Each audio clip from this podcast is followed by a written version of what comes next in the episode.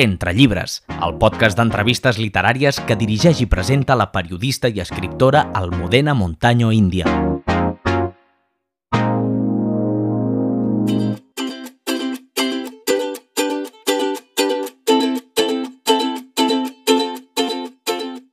Benvinguts a Entre llibres, un podcast on fomentem la lectura en català i donem a conèixer escriptors i obres en llengua catalana. En aquest quart programa entrevisto a l'Alfred Bosch, novel·lista, assagista, professor universitari i polític.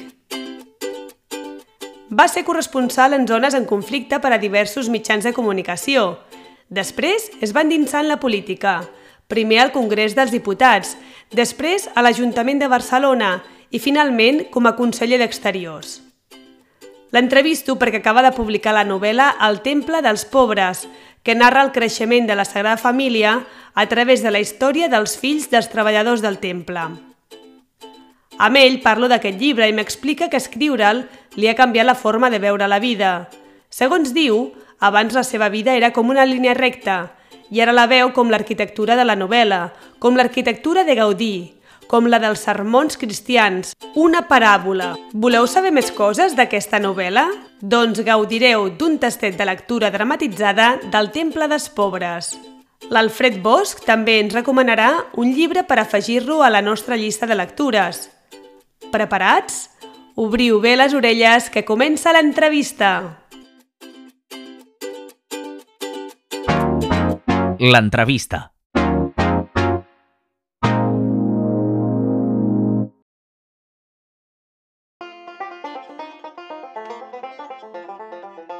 L'Alfred Bosch va néixer a Barcelona l'any 1961. És llicenciat en Filosofia i Lletres i doctor en Història. Ha escrit diversos llibres, entre els que vull destacar l'Atlas Furtiu, Premi Sant Jordi 1997, la trilogia 1714 i les set aromes del món, Premi Ramon Llull 2004. Ara, apartat de la política, ha recuperat el plaer per a l'escriptura, la bicicleta i el menjar saludable. Molt bon dia, Alfred, què tal, com estàs? Molt bon dia, doncs molt bé. Ara amb vosaltres, dir, parlant una conversa agradable sobre llibres que sempre ve de gust.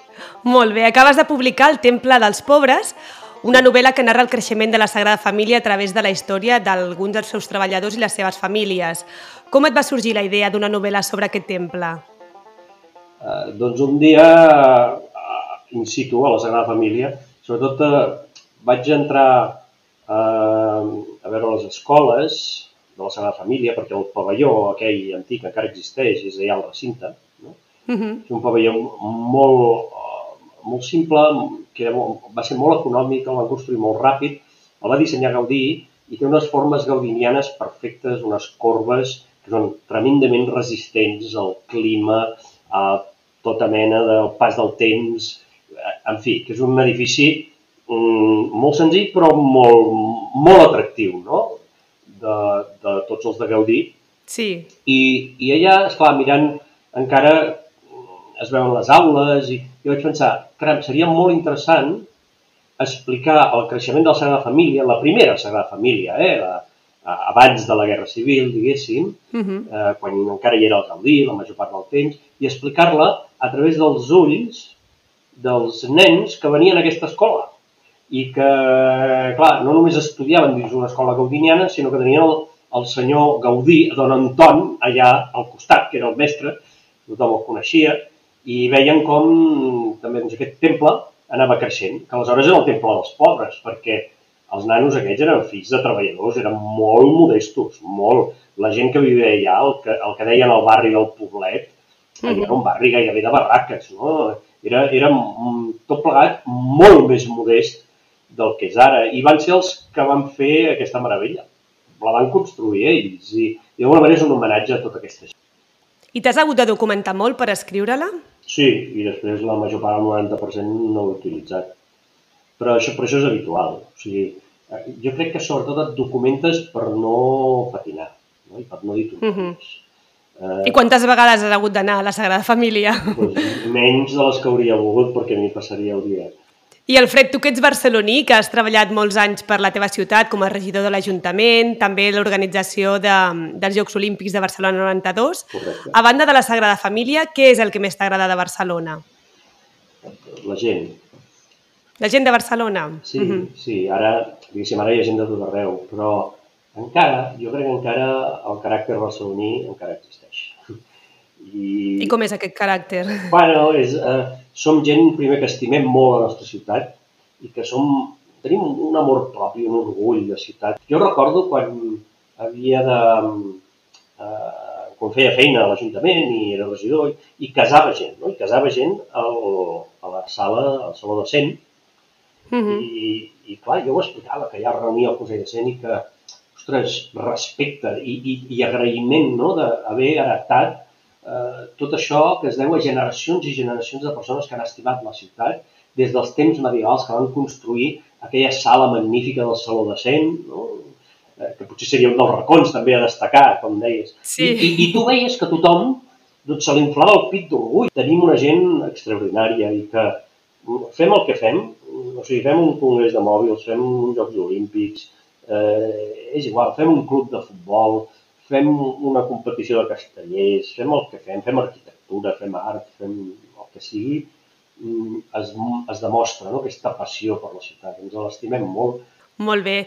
Alfred, durant 12 anys vas ser corresponsal en zones de conflicte per diversos mitjans de comunicació. Com vas viure aquella etapa de la teva vida? Hi havia un punt d'inconsciència amb el que feia, no? perquè m'anava a llocs realment... En conflicte, clar. Sí, molt, molt, molt, molt embolicats. Però, mira, tot això que he viscut, i jo crec que això també m'ha ajudat no? a entendre la vida, a ser, a ser bastant més obert. Això en concret ho recordo d'un viatge que vaig fer al Líban, no? al costat de Beirut. I veus que la gent jove, com jo en aquell moment, doncs se n'anava a la discoteca o al bar musical a divertir-se. I estava allà sonant la música i senties els trets a uns Al quilòmetres de distància. Sí. Llavors, Vaja. eh, clar, la conclusió és que la guerra és tremenda i és terrible, però fins i tot la condició humana sempre intenta superar qualsevol adversitat.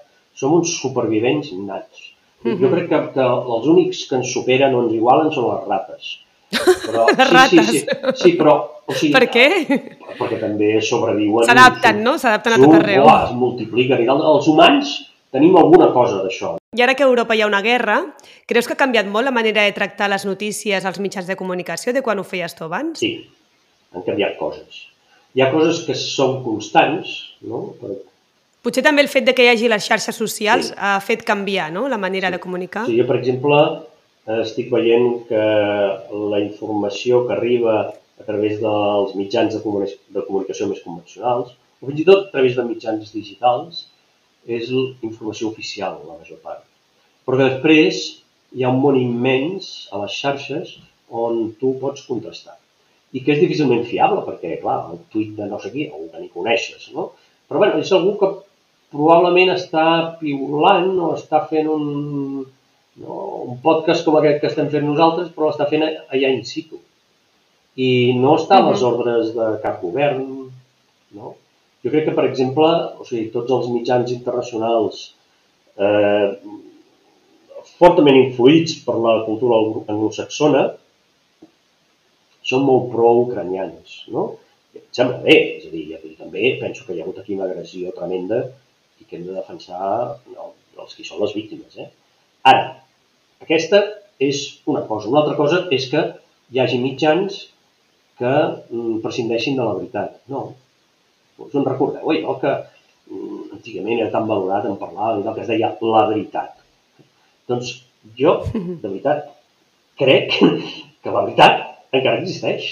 Mm, I aleshores hi ha vegades que pesques alguns d'aquests mitjans, que, enduts per l'entusiasme o, o per la seva posició, doncs clarament estan dient coses que no són certes. Perdona, no, això no, no, no, els mitjans, eh, però mitjans fins i tot molt prestigiosos, eh, aquests internacionals. Ara hi ha maneres de contrarrestar-ho. Si realment t'interessa, Mhm. Pots gratar, Pots sí, i contrastar. pots veure, jo tinc detectats, doncs, eh, gent d'aquesta de Twitter, i hi ha alguns blogs, alguns que fan mapes, tal, alguns sobre el terreny, eh, del, dels dos bàndols, eh? o tirant a neutrals, també n'hi ha algun. Has rebut diversos premis literaris, el Sant Jordi, el Premi Néstor Luján, el Ramon Llull, el Prudenci Bertrana, entre molts altres. La literatura t'ha donat més reconeixements que la política, Alfred? Uh, la literatura no et matxaca tant. La literatura no és tan cruel. Ho pot ser, perquè tot arreu, és gairebé condició humana, tot arreu hi ha doncs, des de mm, competició fins a enveges, fins a, a la gent es fa desgraciadament marranades. També hi ha noblesa, també hi ha amistat, també hi ha alegria. Però en la política és més intens perquè entenc que mm, o sigui, el que t'hi jugues és més gros, eh, té més a veure amb el poder, no? té més a veure amb gestionar una societat, un país, i, i per tant doncs, tot s'accentua. Anem a recordar que del 2011 al 2020 vas estar molt actiu en la política amb Esquerra Republicana, primer al Congrés dels Diputats, tot seguit a l'Ajuntament de Barcelona i després com a conseller d'Exteriors del govern català, no? Sí. Uh, L'any 2020 vas haver de dimitir del teu càrrec no? de conseller d'Exterior per un cas d'assetjament al teu departament, que finalment s'ha arxivat, aquest expedient, però m'imagino que hauria ser també un moment dur. Com ho vas passar en aquella època, Alfred? Sí, uh, clarament va ser una sortida per mi dolorosa i amb molta sensació d'injustícia, perquè no vaig marxar per una cosa que jo hagués fet. Uh, però, uh -huh. uh, escolta, jo també crec que amb molta humilitat tots hem d'aprendre a passar pàgina. I que, a part, doncs, eh, tampoc em, em puc fer l'ignorant ni l'ingenu. És a dir, jo ja ho sabia, que la política pot ser molt dura. Alfred, he llegit que, que després de la teva dimissió et vas posar de seguida a escriure. Potser l'escriptura et va servir per desconnectar dels problemes? Em, em va servir, no, perquè, eh, diguéssim, no pots desconnectar de les coses que t'han passat d'una manera tan intensa. Però eh, sí que, diguéssim, em va servir per reinventar-me. Tornant d'alguna manera coses que jo ja havia fet, però començant de nou. Diguéssim que, eh, igual que us deia, que va ser molt dolorós i per mi molt injusta aquella sortida de la política, doncs també mm, haig de dir que gràcies a això he pogut fer un llibre que per mi és el millor que he fet. És un llibre que m'ha tingut captivat durant uns anys i que, I que segurament no l'haguessis fet si, si haguessis estat amb el ritme del dia a dia de la política. No, de fet, jo mentre estava en política no vaig fer creació literària. Però també mm. perquè considerava que jo em devia a la societat, o sigui que jo estava fent un servei no? des del sector públic. Que, per tant, que a més a més m'estaven pagant perquè no m'entens, jo no em podia dedicar a fer novel·les si estava centrant-me en un servei a la societat. I, i, i aleshores, clar, en aquell moment vaig recuperar-ho gairebé l'endemà, això sí, eh, va ser molt ràpid, ho vaig tenir molt clar, i a més a més vaig repescar tots els materials que jo tenia eh, quan havia estat treballant aquesta novel·la, perquè estem parlant d'una idea antiga, de gairebé 15 anys d'antiguitat. Eh? eh, que va quedar interrompuda per la meva època de servei institucional a través de la política i que he reprès un cop eh, he deixat aquest, he tancat aquest parèntesi, però que és, ja un treball antic. Mira, mira si, mm, si és antic, eh? que, sí, digues. Bueno, respecte, en termes relatius, eh? perquè és una vida humana, però que jo quan hi vaig tornar vaig recuperar les meves llibretes on tenia apunts, no? sobre els personatges, el guió, eh, informacions sobre la seva família, etc. Ho vaig recuperar i no podia llegir perquè estava amb una lletra massa petita. I la vista, com que els anys no perdonen, doncs se m'havia esgarrat una mica i per tant, doncs el primer que vaig... I com ho vas haver de fer? Bueno, mira, amb una lupa, tu, una lupa, grans problemes, grans solucions, vaig agafar i vaig començar a transcriure tot allò amb una altra llibreta amb una lletra una mica més gran que jo pogués eh, doncs, seguir còmodament.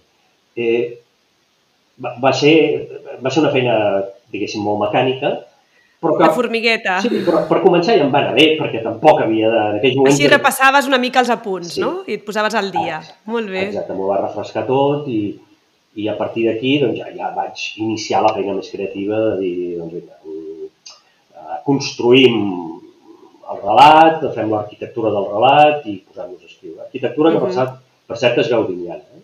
Això és una cosa que uh -huh. a mi també... Sí, aquest llibre és una paràbola Exacte, això dius, no? Que és una paràbola. És un... Uh, Sobre la vida, no? Sí, la, la, la... Uh, Gaudí sempre deia que les línies rectes mm, eren lletges i no eren naturals.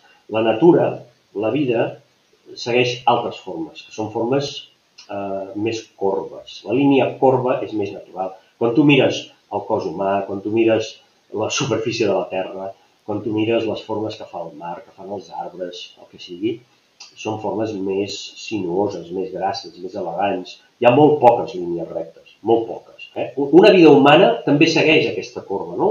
Fa una pujada, no? arriba a dalt i després torna a fer una baixada i acaba més o menys on ha començat, arran de terra. Saps? I Alfred, com és un dia normal per a tu? Quines rutines tens incorporades al teu dia a dia? Doncs eh, Fas de professor, no?, també, a la sí, universitat? Sí, a veure, a primera hora agafo la bicicleta i pujo a Montjuïc.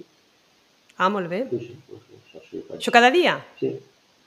Ah, que bé. Sí, sí, i això és relativament recent, eh? també de quan vaig deixar la política, vaig dir, escolta, perquè eh, jo necessitava, necessitava eh, posar-me en, en forma. forma. Sí, sí, perquè al final la vida que portes eh, t'acaba desgastant, no? No, no? no pots fer coses d'aquestes. Sí? I vaig dir, doncs vinga, va, ara em dedicaré a, a fer coses saludables també, a menjar millor, eh, després sí, eh, faig classes, no les faig tot l'any, però sí tinc temporades en cursos a la universitat i després treballo també en coses bàsicament de, de lletres, eh? de, des de fer escriure, fer articles, alguna traducció, i això doncs, una mica va com va, jo mateix m'organitzo. La vida, uh -huh. moltes hores eh, amb reflexió, fent, eh, fent feina molt, molt de cap.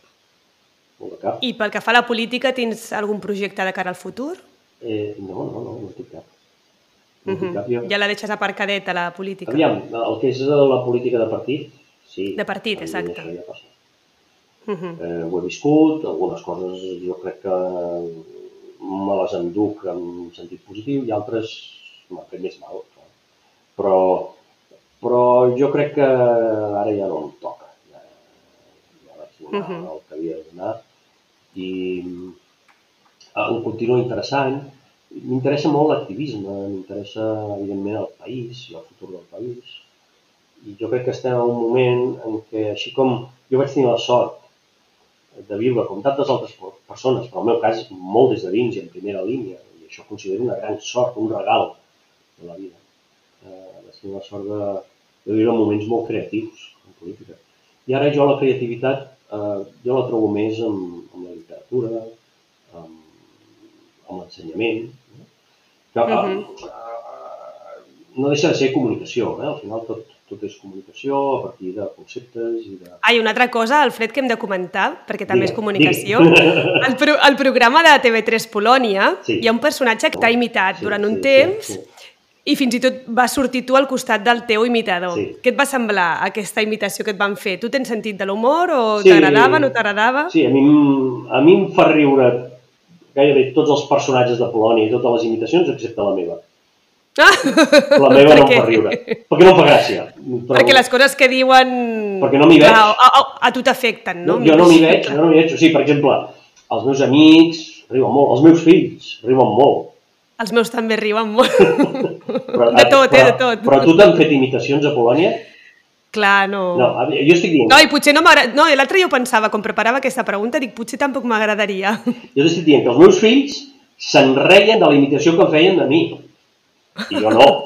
I els diré, però què rieu si no fa gràcia? Sí que fa gràcia, que ets, fa com tu, fa com tu. I dic, però què?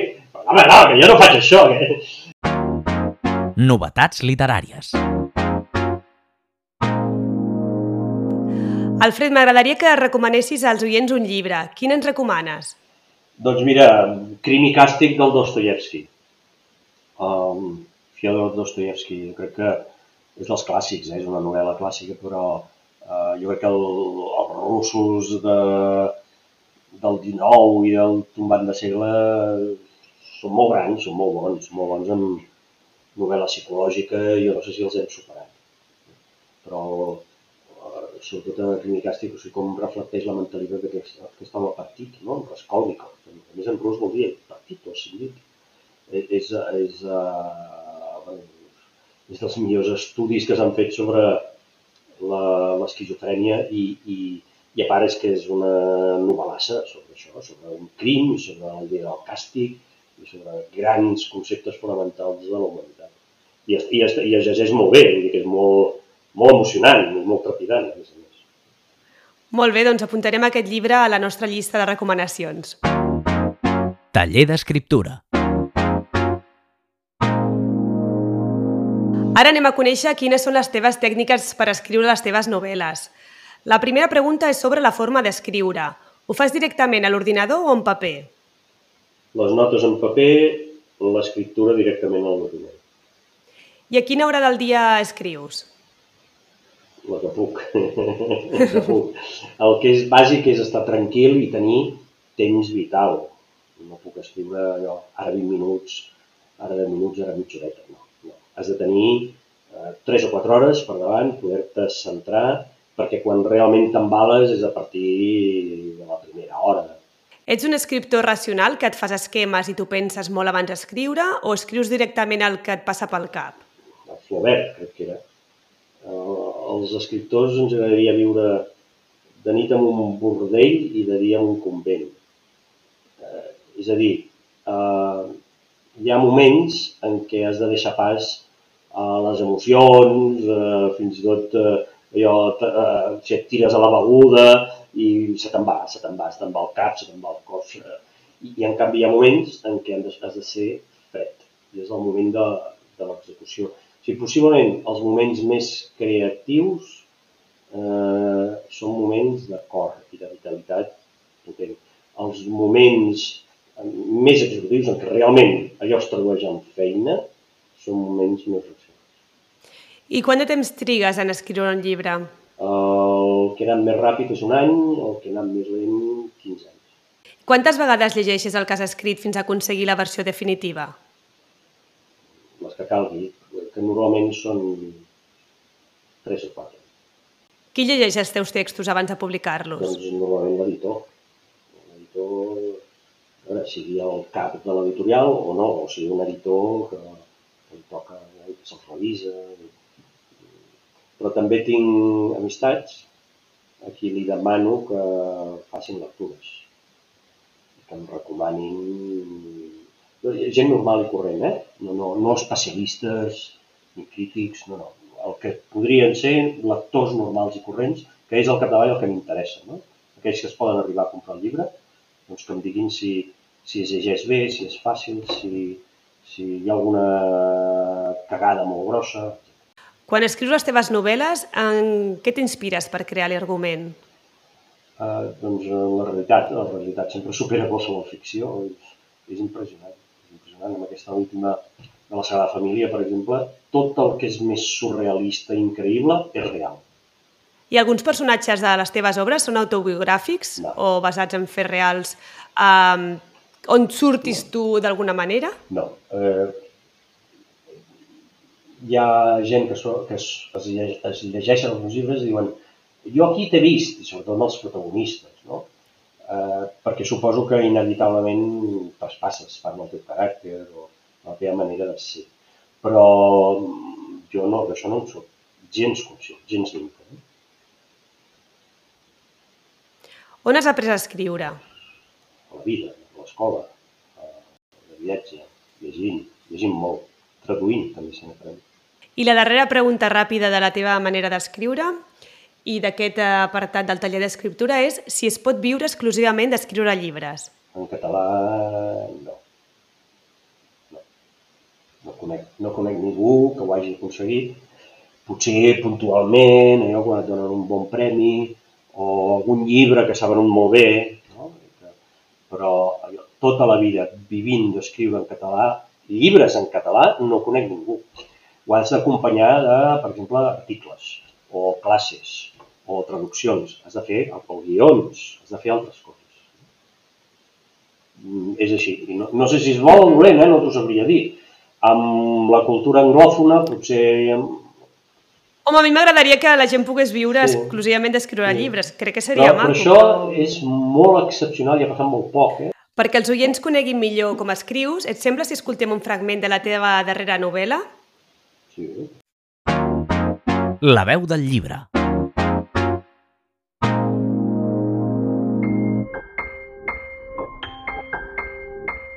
Portem la vida impresa al front? Des del principi? En el meu cas, és fàcil de saber. Aneu a la Sagrada Família i descobriu-ho, perquè hi trobareu el meu inici, la meva estrena al món dels vius, allà esculpida i exposada pels segles dels segles. Soc part del monument i pertanyo per sempre més. Aneu-hi i qui tingui ulls a la cara que ho miri. Que on heu d'anar?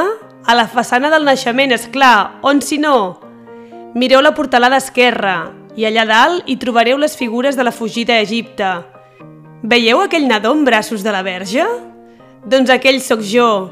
Vull dir, aquell tros de caparró i aquell bracet abotifarrat que sobresurt. Ja no seré mai tan petit. No tornaré mai a confiar tant en la mare. Mai no m'agafaré tant al cos d'algú ni desitjaré tant un pit. Un pit que tot ho dona, tot ho té, tot ho resol. Diríem que tinc el que necessito. D'entrada, no es veu cap mal senyal. La veu del llibre.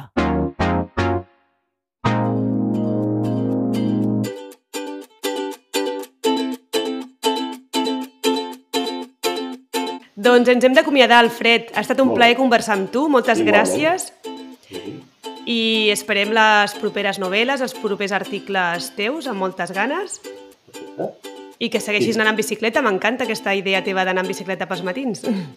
Eh, la veritat és que em va molt bé i la resta del dia, escolta, em sento molt més a to i amb moltes ganes de...